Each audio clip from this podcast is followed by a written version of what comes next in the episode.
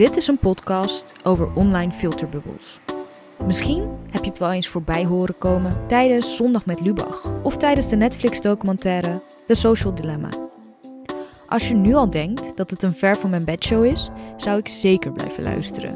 Want ook bij jou, lieve internetgebruiker, ook al ben je er misschien nog niet van bewust, spelen filterbubbels een grote rol in je leven. De aanleiding voor deze podcast is de dissonantie tussen mijn online bubbel en de realiteit. Op Instagram zag ik vaak partijen voorbij komen zoals Bijeen, NIDA en GroenLinks, waardoor ik ervan overtuigd was dat deze partijen groot zouden worden bij de verkiezingen van maart 2021. Toen het tegenovergestelde gebeurde en rechts- en centrumpartijen de overhand kregen in de stemmen, was ik in de war. Ik had het totaal niet zien aankomen dat er landelijk relatief weinig op links werd gestemd.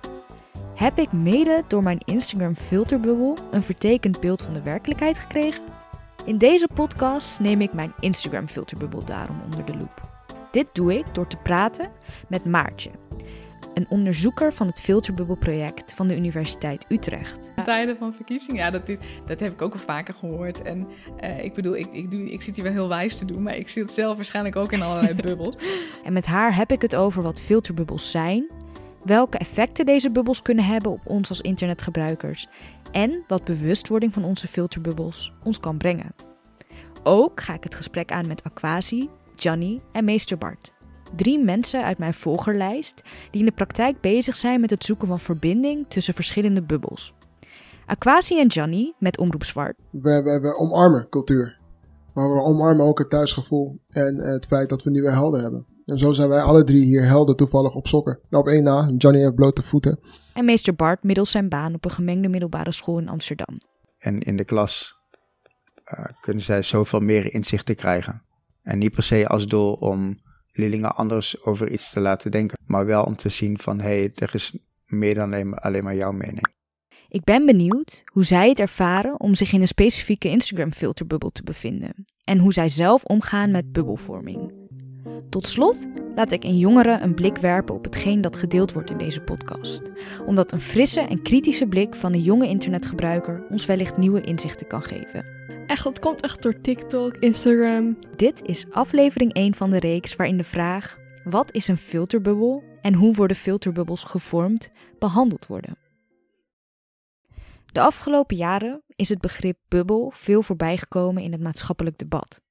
Wanneer we het bijvoorbeeld hebben over machtsstructuren binnen onze maatschappij, komt deze term veel voorbij. De populaire Netflix-documentaire The Social Dilemma, die je wellicht al eens voorbij hebt zien komen, belicht de gevolgen van één specifieke bubbel, namelijk de online filterbubbel. Dit concept heeft Eli Pariser in zijn bekende TED-talk en in zijn boek aan het licht gebracht. Maar wat houdt het eigenlijk in? Wat bedoelen we wanneer we het hebben over filterbubbels? Uh, nou, heel in het kort zijn filterbubbels um, online, ja, een online bubbel, een online filterbubbel waarin de gebruiker, en dus degene die het internet gebruikt, een op maat gemaakte selectie te zien krijgt, wat meestal al past bij jouw bestaande interesses en meningen. Okay. Nou, je zou het ook kunnen formuleren als een uniek online universum van informatie voor ieder van ons. En dat um, universum dat verschilt dus per persoon.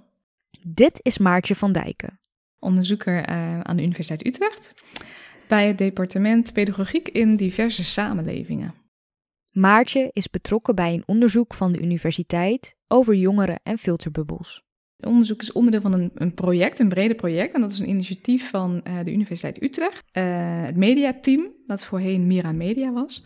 En verschillende Utrechtse scholen voor voortgezet onderwijs. En uh, we werken nu ook samen met de Bibliotheek Utrecht en Stichting Jouw, Jongerenwerk in Utrecht. En het onderzoek van de universiteit waar we het vandaag over hebben, dat komt voort uit het Union-project. En dat staat voor Utrechts Netwerk voor Inclusief Onderwijs. En in dit project onderzoeken we onder andere hoe bubbelvorming online eruit ziet bij jongeren. Mhm. Maar we ontwikkelen samen met alle partners, dus ook docenten en leerlingen van die scholen, met elkaar een applicatie die gebruikt gaat worden in het onderwijs om jongeren bewust te maken van filterbubbels en online bubbelvorming. Zoals Maartje vertelt, is een filterbubbel dus een uniek metaforisch universum voor elke internetgebruiker. Als we het concreet over Instagram hebben, omvat iemands filterbubbel dus diens nieuwsfeed en de explore page. Hoe ziet zo'n filterbubbel er concreet uit? Dit zijn de bubbels van Bart, Werkzaam op de open schoolgemeenschap Belmer in Amsterdam sinds 2008 alweer. Geef hier Engels aan eh, 3 en 4 VMBO, zijn bubbel omvat inclusie, racisme, maatschappelijke relevante onderwerpen. Gianni, 32, geboren en getogen in Amsterdam. Ik ben medeoprichter van Omroep Zwart en zakelijk directeur. zijn bubbel omvat Ehm, sport, voetbal en boksen met name. Anime. Ehm, en ik ben filmmaker geweest, dus zo nu en dan zie ik dan eh, eh, ja, uitleg, eh, tutorials, ehm, 3D-dingen, animaties die gemaakt worden. Daar bestaat mijn Explorer uit. En ik denk dat het resoneert met, mijn, eh, met wie ik volg. Ik volg fotografen, regisseurs, DOP's, modellen. Aquasi, Ik ben 33 jaar, geboren en getogen in Amsterdam, Ghanese van afkomst. En ik ben oprichter en creatief directeur Omroep Zwart. Zijn bubbel omvat Er is wel heel veel van de actualiteit in Amerika en voornamelijk vanuit de Afro-Amerikaanse hoek. En dat is waar ik onder andere vertegenwoordiging voel en vind. En als het gaat over Britse artiesten, ik, ik open net mijn Instagram en ik zie al iets van vier posts dat Stormzy in de Madame Tussauds, de artiest Stormzy, dat hij, in de Madame, dat hij naast eh, zijn eigen wassen beeld staat in de Madame Tussauds en dat allemaal andere artiesten hem feliciteren. Dat zie ik heel snel. En, en ook hier, maar dan op het gebied van muziek. En Vicky Lou. Ik ben 13. Ehm, ik, ik vind eh, kunst heel erg leuk. En ik vind. Ik ben ook heel erg. Ik zit ook vaak op social media. En ehm, ik weet ook veel over social media, vind ik zelf. Haar bubbel omvat Nou, vooral op tieners, dat sowieso. Ik, ik zie eigenlijk alleen maar tieners. Ehm, maar bijvoorbeeld ook eh, activisten en ook een beetje kunst, ook een beetje creativiteit. Bart, Gianni, Aquasi en Vicky Lou volg ik allemaal op Instagram. Hun accounts zitten dus ook in mijn eigen bubbel. Toch verschillen hun bubbels van elkaar. Aan Maartje heb ik daarom gevraagd hoe een filterbubbel ontstaat en hoe het zich verder vormt. Het is belangrijk om wel onderscheid te maken tussen filterbubbel enerzijds en online bubbelvorming anderzijds. Daar maak ik het misschien wat ingewikkeld mee, maar filterbubbels gaan echt om dat unieke aanbod wat het internet jou geeft. Maar bubbelvorming heeft meer te maken met ja, het leven in een bubbel, waarbij je eigenlijk vertekend beeld hebt van de werkelijkheid. En nou, er zijn in de wetenschapswereld er verschillende geluiden over hoe dat nou ontstaat, hè, die bubbelvorming. En enerzijds, en ehm, eh, daar is men ook, ook wel over eens, is het ontstaan van die filterbubbels vooral toe te schrijven is aan het algoritme. Een algoritme is een eh, wiskundige formule die er op de achtergrond voor zorgt dat websites en platformen ehm, kunnen inspelen op jou en hun eigen behoeftes. Dus een algoritme wordt eigenlijk steeds preciezer als er cookies worden gebruikt en opgeslagen. Die weet waar jij op hebt geklikt, eh, waar je lang naar hebt gekeken, welke berichten je liked, met wie je online omgaat, maar bijvoorbeeld ook waar je woont of wat je interesses zijn. Nou, dit speelt zich dus allemaal af aan de achterkant van de website of een platform. Dus de gebruiker weet niet precies ehm, hoe het werkt en waar het algoritme op inspeelt. Overigens kan het per platform en website verschillen. Maar eh, de meeste hebben er baat bij om precies te weten wat je graag ziet, zodat je langer blijft plakken. Het algoritme heeft dus als functie zoveel mogelijk van ons als internetgebruikers te weten te komen, zodat ze zo goed mogelijk op onze aandacht in kunnen spelen. Werkt dit ook in de praktijk? Heeft het algoritme daadwerkelijk zo een grote invloed op wat wij zien? Johnny heeft een duidelijke invloed van het algoritme ervaren toen hij dacht dat hij de nieuwe Disney 3D-film ging maken.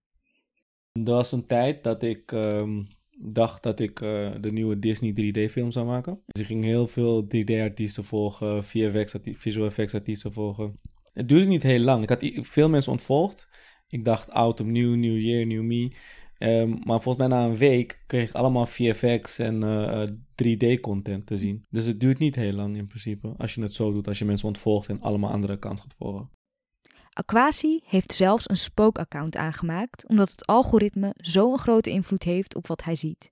Ik heb ook een extra account aangemaakt, waarbij ik een beetje een spookaccount noem ik het. Waarbij ik totaal andere dingen zie over ondernemerschap, entrepreneurship dus en over hoe je omgaat met geld en zo, dat, dat soort dingen. Ja, je eigen pagina is al geterroriseerd. Daar kom je niet mee uit. Dus je moet soms eigenlijk... Er is iemand als Questlove die bijvoorbeeld zegt dat als je op Spotify deelt dat je muziek... lu- Eigenlijk moet je ervoor zorgen dat je op Spotify of op YouTube elke dag iets totaal anders luistert. Maar dan krijg je een discografie die je kan laten verrassen. En zo werkt het ook met uh, je algoritmes op Instagram bijvoorbeeld.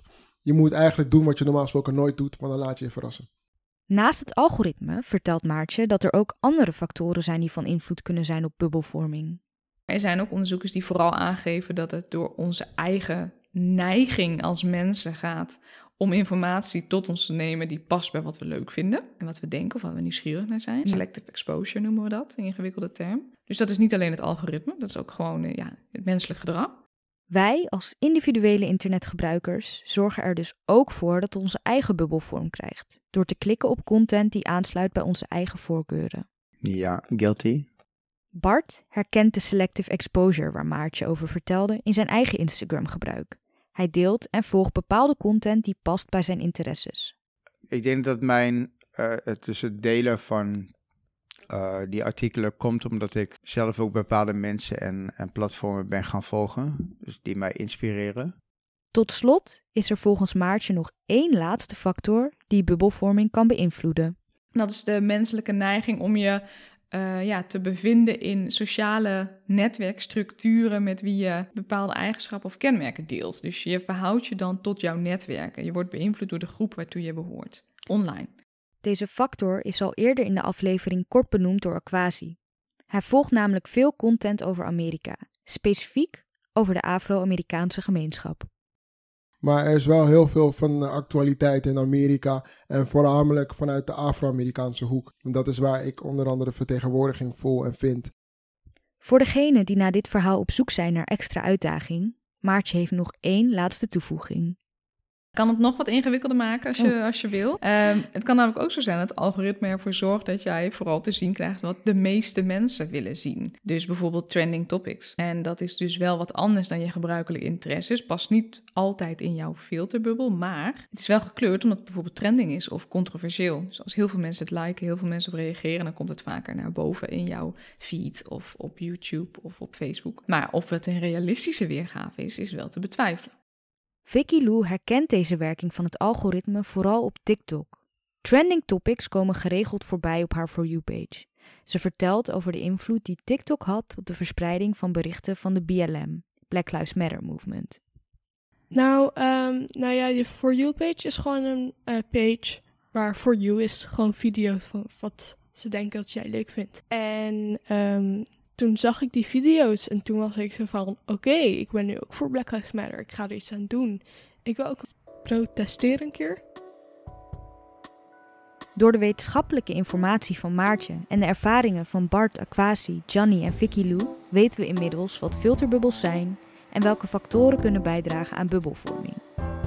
In de volgende aflevering zullen ze vertellen wat de voor- en nadelen zijn van filterbubbels. Wederom vanuit zowel wetenschappelijke kennis als vanuit eigen ervaringen. Ook komt aan bod hoe wij als internetgebruikers vooral kunnen profiteren van de voordelen van filterbubbels en de nadelen zoveel mogelijk kunnen verminderen.